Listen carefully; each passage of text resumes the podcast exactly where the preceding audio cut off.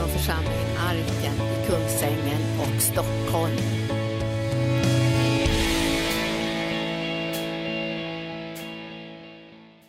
Prisad vare Gud. Då ska vi gå in i Gudsordet.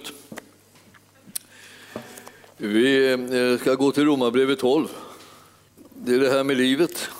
Vi ska ju leva och leva till Herrens ära. Det är det vi vill. Och, och vill vi inte det ännu så, eh, så har vi fortfarande lite eh, kamp kvar framför näsan. Det här är liksom att tjäna Gud är liksom befriande. Och eh, jag håller på och just nu i dagarna läser jag liksom en, en minnesbok från missionen i Svenska missionen i Kina som min farmor har skrivit.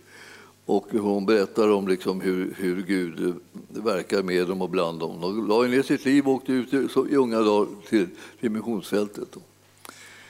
Och eh, de var som tonåringar och åkte till andra sidan jordklotet. Och, och kom bara hem sporadiskt några gånger under liksom sitt aktiva liv. Så.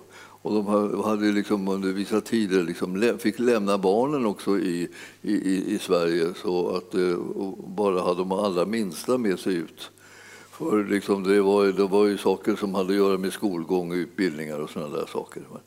Det var inte lätt eh, så att säga, på många sätt och samtidigt så var det så radikalt gjort så att det blev liksom lätt. Det finns liksom, jag skulle vilja säga liksom att det finns en, liksom en, ett mellanläge där som är i livet som, är, som, är, som jag inte vill rekommendera någon. Alltså, eh, så antingen så lever man i världen liksom och liksom bara helt liksom anpassad efter det. Och så här, då, då, då, då, kan det kännas som om det nästan var liksom okej. Okay, liksom. Man har det ungefär som folk har det mest och man, man har samma villkor och situation. och så. Men, men sen ändå liksom någonting som är gnagande. Va? Men sen är det det andra att man, man möter Jesus så blir man radikalt, eh, liksom man blir helt så radikal så man, så man, eh, så man blir helt fri och, så, och, eh, liksom, och, och lycklig fast man inte har någon anledning kan folk tycka. Man skulle ha en anledning att vara så glad. Liksom, det är bara en massa saker som du inte vet hur det ska lösa sig och, och du vet inte vad du ska leva på, du vet inte det ena och det andra. Utan du får stå där och be och då tycker folk att det är oss, det var otroligt smärtsamt. Men det smärtsamma ligger att ställa sig mitt emellan. För det är det som är det, är det som är det jobbiga. Ställ dig aldrig där. Utan när man ställer sig radikalt för Jesus så verkar det som att det, liksom, det, det blir en, en, frihet och en glädje som man faktiskt inte riktigt kan beskriva och som man kan inte övertyga någon om som inte har lust att gå dit och smaka den. När man smakar den så vet man liksom att ja, det är så det är. Alltså. Det, är där, det är där man ska vara, det är där man ska stå. Och jag, och jag vill säga att det här med hur man ska leva sitt liv så ska man ju leva sitt liv så mycket liksom konsekvent för Jesus som man kan. Det betyder inte att man inte liksom kan ha ett jobb, eller sådär, men det betyder bara det att man så, varför arbetar jag? Alltså det, om du, man, när man ställer den frågan då, så får man ju ett, liksom ett verkligt överraskande svar när man, när man läser sin bibel. Där står det inte så här, du arbetar för att kunna försörja dig och äta, och äta och skaffa dig hus och mat och kläder och sköta, sköta familjen, ta hand om alla kostnader. Och så här. Det är därför som du arbetar, tror vi att är svaret är. Men så är inte svaret. Svaret är du arbetar för att du ska, ska kunna dela med dig. Ja, men, ja, men, ja, men jag, ja, men jag då är ju vanligt att vi kommer till den punkten. Ja, men jag. Ja, men ja, din himmelska fader säger att han vet vad du behöver. Så att eh, om du får höra det, eh, så gör det dig gott om du sätter tro till det. Då blir du fri från de bekymren som du annars får. Om du inte litar på det liksom, så kan du inte liksom göra det där som man ska göra med det som man arbetar ihop. Alltså man delar med sig av det. Utan som man kommer in i det här att man hjälper, nu, nu kan jag inte dela med mig, det, det räcker inte åt mig och det räcker inte det. Och jag får bara massa bekymmer. Och jag ska väl säga, det här att leva tillsammans med Herren och leva för honom, det är, liksom ett, det, det är en, en, liksom ett, ett viktigt val. Och ju mer man väljer det, och jag måste erkänna liksom att det ser ut hela tiden som om vi väljer det om och om och om igen. Det vill säga vi tar in ett nytt område, en ny bit och så en ny bit och så, så lossnar liksom på något sätt vi själva från alla de här bekymren och oron som annars liksom bara tränger och pressar och, och jagar folk. Liksom. Hur de än jobbar så liksom är det som att de ändå får massa bekymmer runt omkring det. Men Herren är en befriare av, från bekymmer när man litar på hans ord och det som han säger till en. Så, eh, eh, tolfte kapitlet i Romarbrevet är ett sånt här härligt... Som, eh, eh, så, eh, man blir förmanad liksom att liksom följa Herren och göra det som är hans vilja. Så förmanar jag nu er bröder vid Guds barmhärtighet att frambära era kroppar som ett levande, heligt offer som behagar Gud, er andliga gudstjänst. Och det där med att frambära sitt, eh, sitt, sina kroppar som ett, som ett offer, ett heligt offer, det är att ställa sitt liv till hans förfogande. Och du vet att eh, han säger gör så, gör så. Alltså, ni ska lyssna på mig nu. Nu är det Paulus som talar här. Så. Gör så, ställ ett liv till Herrens förfogande. Tänkte, jag, Ja, jag vet ju, jag har ju till och med liksom varit liksom så här lite dramatisk under vissa perioder i mitt liv. Då jag, då jag har jag lagt mig platt på golvet liksom, så här, som en, som en eh, så här, offerceremoni. och sagt att här, här är jag, här, använd mig, jag står helt till ditt förfogande. Liksom. Och det, var, vad menar jag det? Jag menade det så mycket jag orkade. Ja. Sen så märkte jag så småningom att jag orkade inte så mycket så att jag fick komplettera det. Och så, så kom jag tillbaka till det där, använd mig. Alltså jag, jag ger allt, jag ger hela mitt liv för att tjäna dig. Alltså. Använd mig. Först tycker jag liksom att han gjorde inte det. Va? Han tog inte vara på eh, tillfället om vi säger så. här, här ligger man liksom och, och liksom ger honom hela sitt liv liksom och, och det verkar, man märker inte att han vill använda den på en enda punkt. Jag försökte liksom egentligen, jag tänkte att vi kanske inte riktigt fått kontakt sådär. Men, men eh, alltså, det här, han säger, här säger han liksom att vi ska frambära våra kroppar, alltså vårt liv, som ett heligt, levande och heligt offer. Och det behagar Gud och det är vår andliga gudstjänst, att vi ställer oss till hans förfogande. Och då behöver man höra hans röst och då behöver man komma inom hörhåll alltså för hans röst.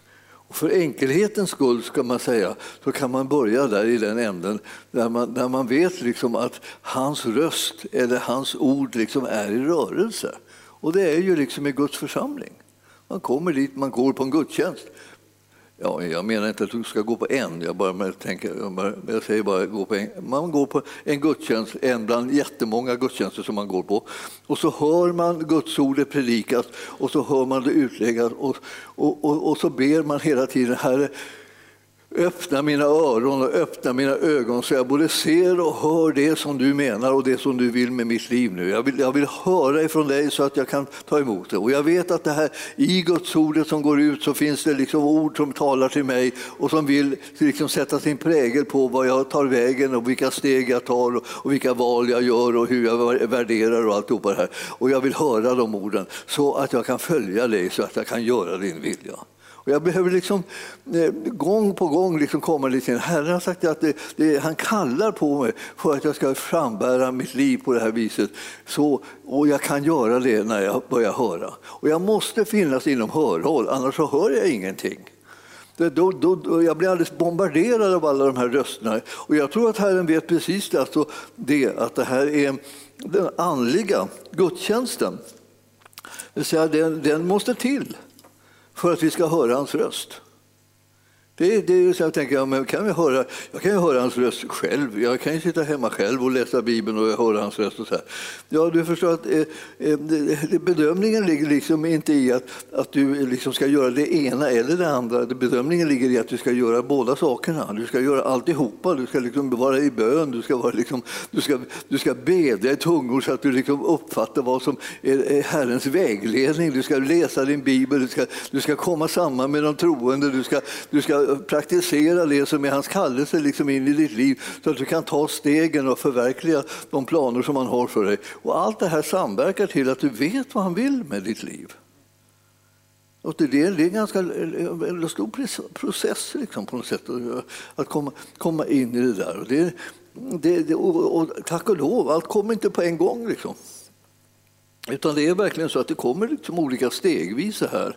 Så man har faser då man liksom är liksom, liksom fokuserad på vissa bitar och sen så kommer andra, kommer andra till och så kommer det till och så märker man att man tappar bort det så måste man gå och hämta och så måste man samla ihop det och så plötsligt så börjar man få saker och ting och sitta ihop så att det fungerar och så börjar man själv sitta ihop med de människor som också vill tjäna Herren, som också vill hänge sig till honom, som också vill frambära sina liv till honom och säga här är jag, jag står till ditt förfogande.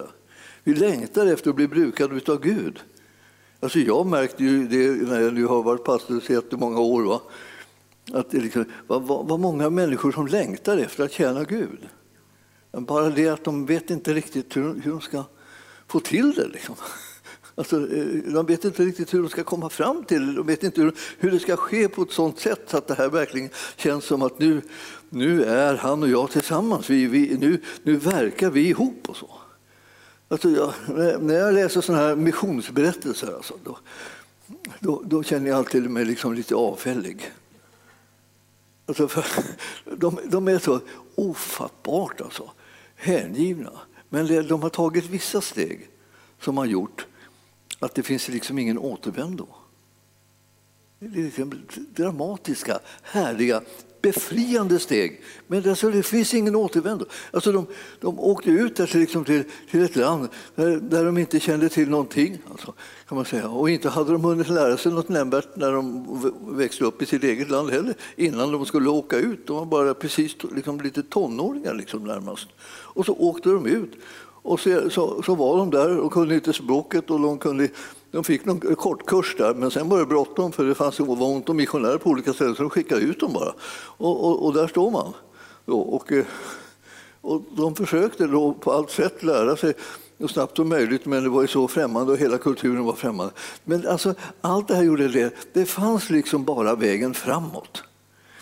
Jag, och jag, jag, därför så blev jag så väldigt förtjust i det här, de här vikingatalet, att man bränner sina skepp. Det är bästa sysselsättning man kan ha för att liksom, då vet man att då är det bara ett, en riktning som är kvar. Så man, så man har gått i land liksom, i ett främmande land liksom, så här, och ställt skeppen där på kanterna. Om man då inte bränner dem så kanske man hoppar i dem igen och åker tillbaka när man märker vilket motstånd det finns. Ett helt, ett helt land fullt med liksom, andra folk så här, så här, som, som inte tänker liksom, låta en komma och bara ta deras land. Ska man inta landet så behöver man liksom bränna skeppen, för då vet man liksom en riktning har vi, det är bara in.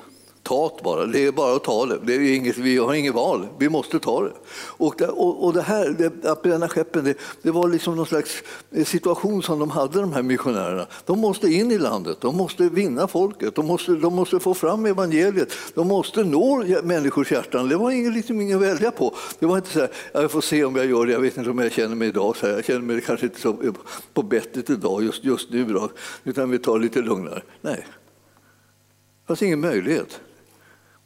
Och, och, när de gick på det här, tillväga på det här sättet blev de så, så liksom involverade i Guds verk att de inte kunde tänka sig att leva ett annat liv.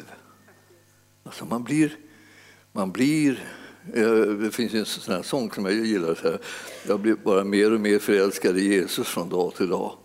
Det, det liksom, tycker jag kändes som, liksom, som en liten temasång för mig ibland. Så eh, där, därför att när man går in i Herrens liksom, verk, när man radikaliseras på något sätt vid det, så här, där det inte är för många liksom, ursäkter åt alla håll och kanter utan det, bara, det måste det måste gå, vi ska göra det, Herrens vilja ska ske. Jag, jag, jag kastar mig in i det i alla fall, fast jag inte eh, får en massa försäkringar om att det, hur, hur ska det lösa sig, hur ska det lösa sig.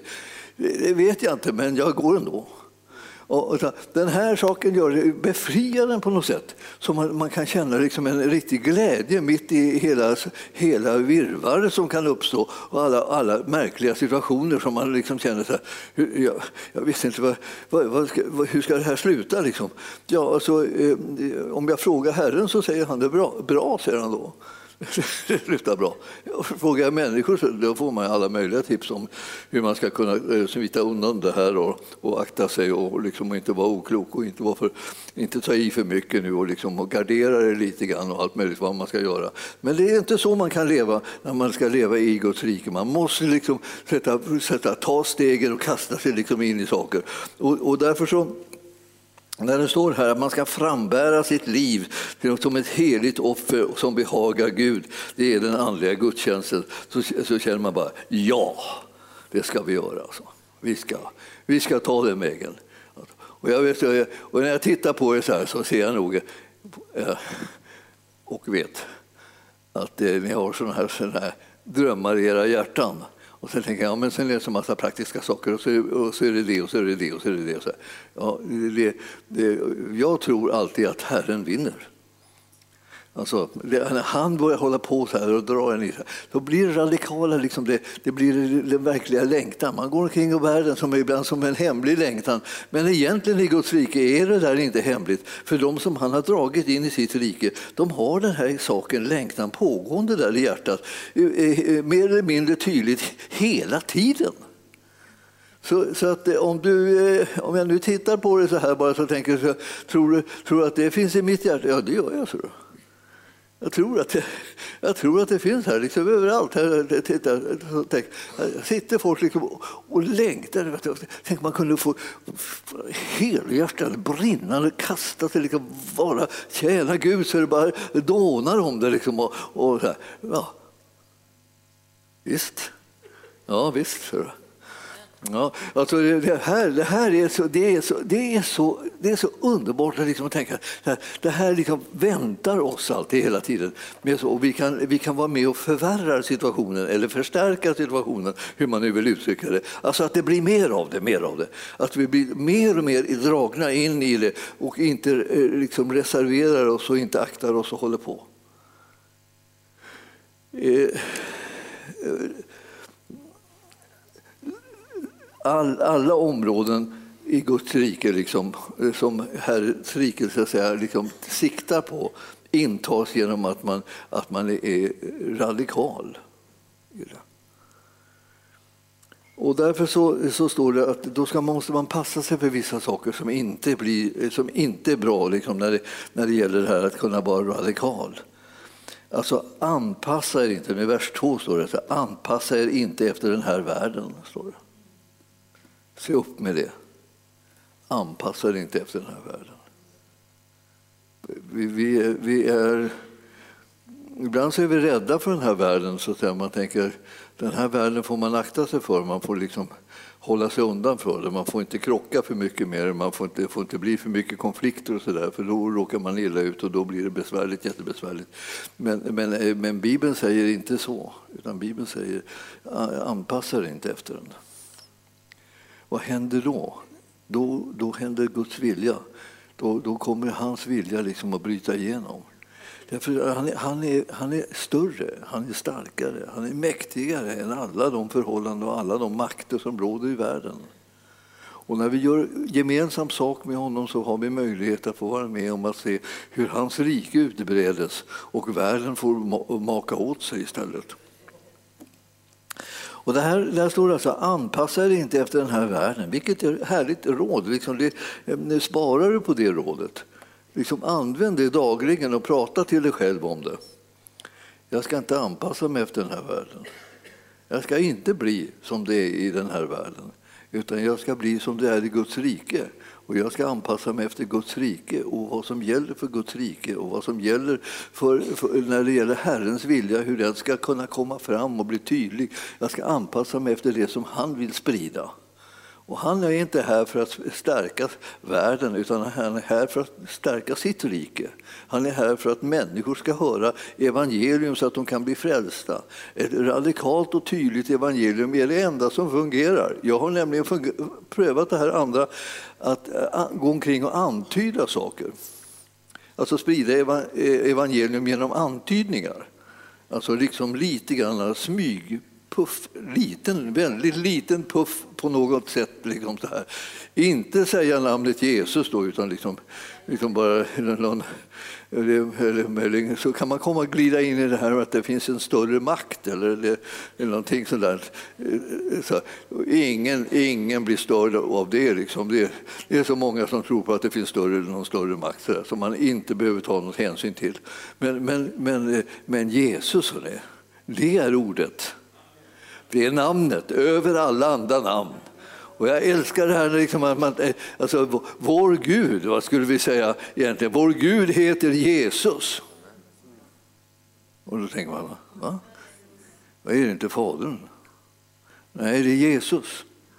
För att vi ska känna Gud, för att vi ska veta vem han är, så har han presenterat sig och då kom han som Jesus. Så det är honom det, är, det är honom det handlar om. Och Jesus, han har, det är ett laddat namn. Det är helt laddat. Det är inget, inget namn som man bara som man tänker, jaha, Jesus. Utan, utan eh, om, om folk vill prata om Jesus, då ska man liksom prata om Jesus. Om, om man nämner Jesus så kanske det kommer bli ett samtal om Jesus. Se till att det blir ett långt samtal.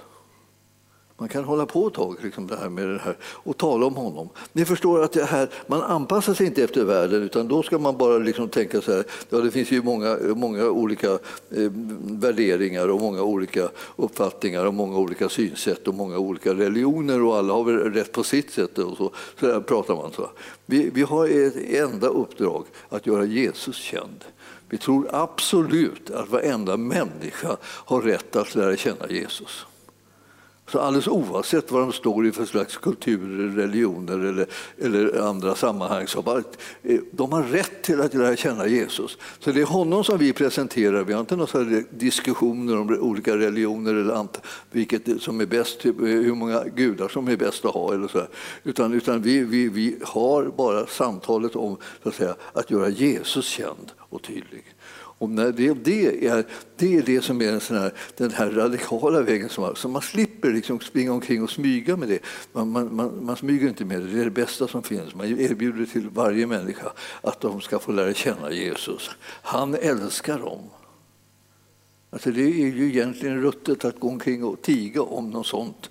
När man är älskad så till en milda grad som Jesus har älskat oss människor, att inte tala om det för folk. Det är klart vi ska tala om det.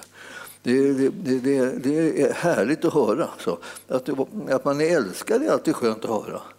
Det är många vet jag som tycker om det, att höra att de är älskade. Och ni, och ni är Herrens älskade. Så vare sig ni visste om det eller inte så, så är det det som är sanningen. så. Och så ska ni låta er förvandlas. Och därför så kommer vi in på det här, det här egentligen, att man måste samarbeta med Gud. Man måste liksom säga ja tack och ja, kom och ja, gör det. Liksom, och ja, hjälp mig. Liksom. Man, man måste liksom vara vi drar, vi drar in honom i vårt liv. För att utan det så, liksom, så, så, står vi där själva och ska försöka ordna grejerna och det går aldrig riktigt något bra. Så här, låt er, låt er förvandlas. Och då ska man förvandlas genom att man försöker få tag i det här med att, att sinnet ska förnyas.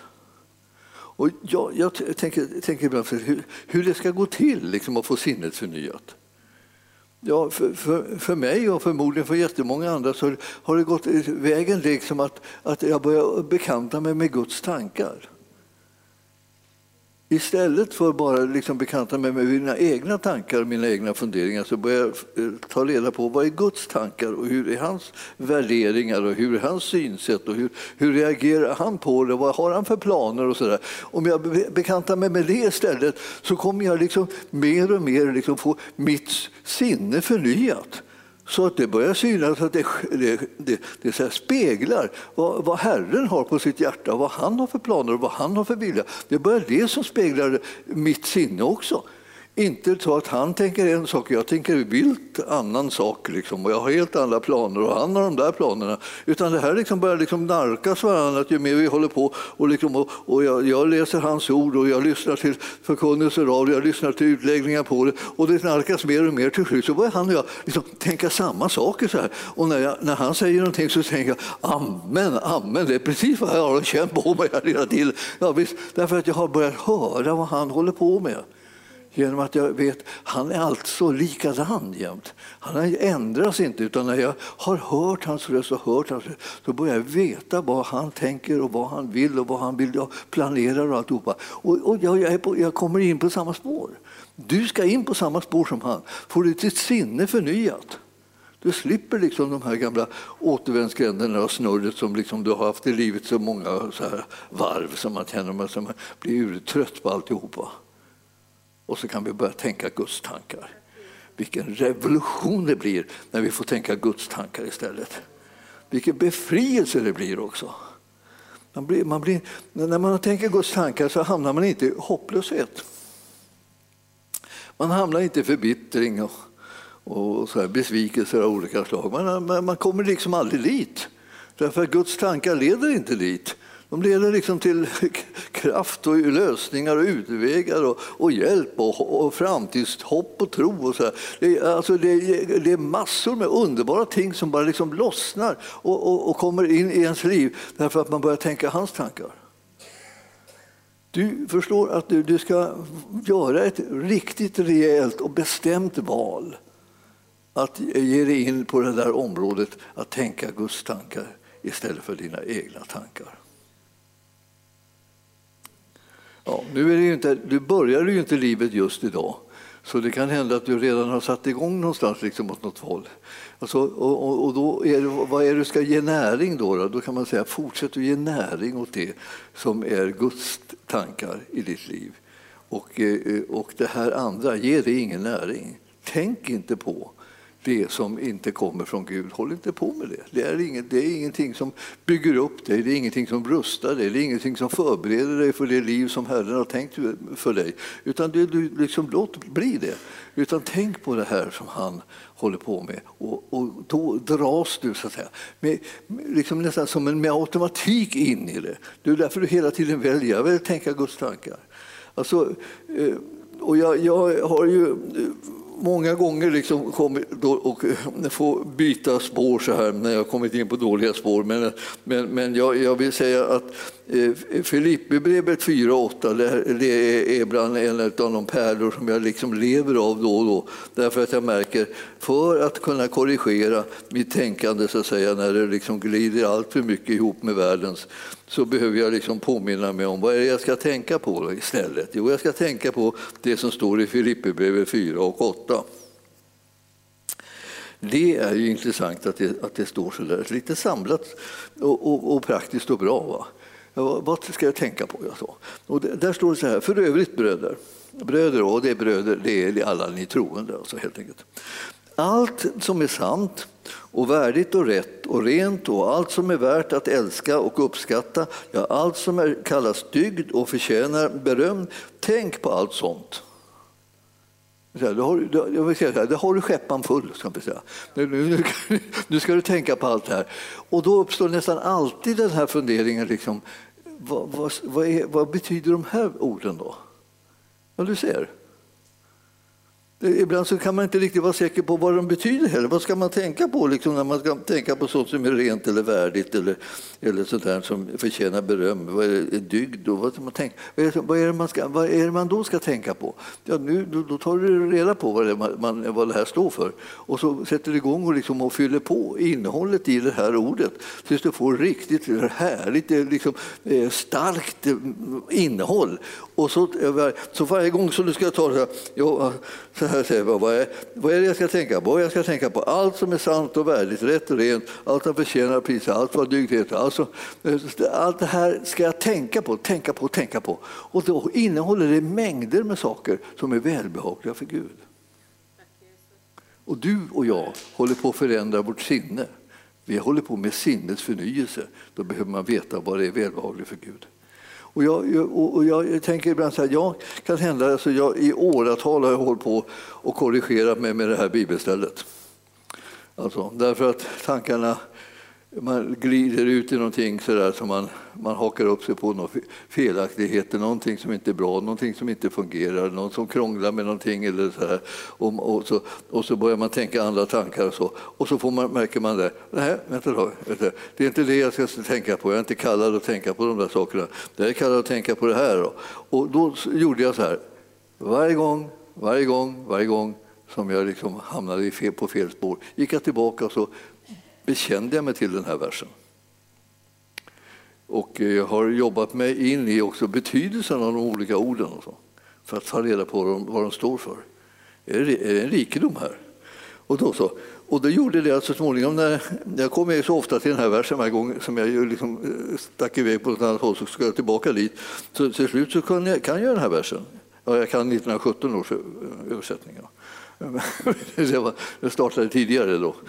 Men ni förstår, alltså, det, versen fick liksom hela tiden korrigera mina tankar för att jag vill ha, liksom, eh, jag vill ha Kristi sinne. Jag vill liksom inte ägna mig åt att stötta liksom, eh, mörkrets makter genom att hålla på och bekänna mig till det som, som, som eh, mörkret håller på och, och, gör i den här världen. Utan jag vill bara bekänna mig till det som Herren ska göra i den här världen och håller på och gör. Och det kallar jag på när jag bekänner de här orden. Och när jag tänker de här tankarna så är det Herrens tankar och Herrens vilja och Herrens planer som jag håller på och kallar på på alla områden, både i mitt liv och i andras liv. Vi är här för att liksom utbreda Guds rike, inte för att släppa in världen överallt. Församlingen är ett befriat område. Alltså. Och där ska vi tänka Guds tankar. Och har vi andra tankar så slänger vi dem liksom, i glömskans hav sedan vi har bekänt synd. Om det är så att det är det vi har begått så bekänner vi synd och så blir vi förlåtna och så kastar vi ifrån oss alltihopa. Och så är vi fria och så kan vi tänka Guds tankar. Så när, vi, när vi möts så vi, är vi fyllda med Guds tankar. Vi har fått förnyade sinnen och vi, vi kan liksom ha en, en, en, annan typ av gemenskap än någon slags konkurrens eller, eller bråk eller tävlan eller vad det kan vara för någonting som uppstår. Eller något annat sådär att vi liksom eh, ska vara varandras domare och eh, liksom eh, försöka tala om vad, vad, vad som är fel hos andra. Så här. Vi, vi är inte kallade till det. Det är så skönt att höra. Jesus kom till den här världen. Han kom från himlen till den här världen. Inte kom han för att döma världen, står det. Nej, det gjorde han inte. Det kan du vara säker på att inte du heller blivit kallad till. Så släpp den tråden. Blir inte han ens kallad till den, vad ska du tro att du skulle gå då om du blev kallad till den medeltid? Det skulle bli katastrof. Liksom. Utan du är kallad att tänka Guds tankar. Halleluja, sa ni allihopa. Då går vi tillbaka till Rom, Romarbrevet 12. Då. Jag, ska, jag ska väl avsluta det här. Jag, kom, jag vet inte riktigt när jag börjar, men det, det är snart färdigt. Alltså, om ni då får, får till det här med liksom att ni börjar låta er förvandlas. Jag låter mig förvandlas genom sinnesförnyelse. Jag, jag går med på att det händer att mina tankar liksom förändras. Att det blir Guds tankar istället. Jag går med på det och det syns i vad jag gör. Jag ser till att jag är inom hörhåll för Guds tankar. Stup i ett, hela tiden. Jag kan alltid ta med mig några tankar så här som jag kan ha i, så säga, i fickan eller i hjärtat eller vad ska säga, nära någonstans. Som jag kan ta upp hela tiden. Jag behöver ju inte liksom ha en bibel eller telefon eller någonting sånt för, för, att få till det här. Jag kan ju ha några stycken med mig inuti. Så rycker jag upp dem så här, och tänker på dem, tänker på dem, tänker på dem. Allt möjligt. Så, här. så, så plötsligt när någon, någon står där liksom och ska få till någon liksom konfrontation eh, så tänker jag på dem. Alltså inte på dem, men dem. jag tänker på Tänk på de här orden som jag fått av Herren istället. Nej. Jag tänkte, han har gått in i dvala nu. Så här. Nej, han, han valde ett annat spår. Eh, han, han, gick sin väg ur det här konfrontationen och, och eh, konflikten och så gick han in i den som var Guds frid som övergår allt förstånd. Bevara mina tankar. Ni förstår, vi har ju tillgångar här. Alltså. Tänk vad vi kan liksom springa iväg någonstans och, och slå oss ner där och andas ut. Eftersom det är det som bevarar tankarna. Guds frid. Så, eh, det här, så, om du nu går den här vägen så kan du, stå, då kan du pröva vad som är Guds vilja. Och det här är ganska viktigt. Nu ska jag tala om för dig vilken ordning det här kommer i. Alltså, först kommer det här i att du jobbar till så du får liksom sinnesförnyelse. Du arbetar med att kunna tänka Guds tankar och umgås med Guds tankar. Då om du har gjort det, liksom, så kan du pröva vad som är Guds vilja. Om du inte gör det här först så vet du, känner du inte igen vad som är Guds vilja. Därför att du har inte stött på det. Du har tänkt dina egna tankar hela tiden och så försöker du tänka, kanske är det här Guds vilja, kanske är det här. Det här tycker jag är ganska bra. Det kanske är Guds vilja, tänker man. Ja, men det här nu är det inte någon slags gissningslek som du ska, och jag ska komma in i, för det är liksom ganska jobbigt. Va? Utan vi ska ta, känna till Guds vilja så mycket så att vi, vi kan eh, pröva, det vill säga utröna, märka betyder det där, pröva det som är Guds vilja. Du kommer att märka vad som är Guds vilja eftersom du känner till Guds vilja. Du har hört den så mycket, du har läst den så mycket, du har, du har tänkt på den så mycket så att du känner bara igen den. Där kom det. Här kommer, liksom, här kommer en, en, en typisk liksom uttryck för Guds vilja. Det, där, där har vi det. Och, och, och då, då vet jag det. Och, och, då kommer jag känna igen det som är gott och fullkomligt och det som behagar honom. Ja, eh, ja, ja, det, här, det här kan innehållas jättemycket, men jag vill bara säga det. Det här var för att du ska tänka på hur ska jag liksom få liksom en liten ordning på livet så att jag egentligen blir inne på det spår som Herren håller på att spåra upp här i tillvaron. Jag måste ju komma in på hans vägar.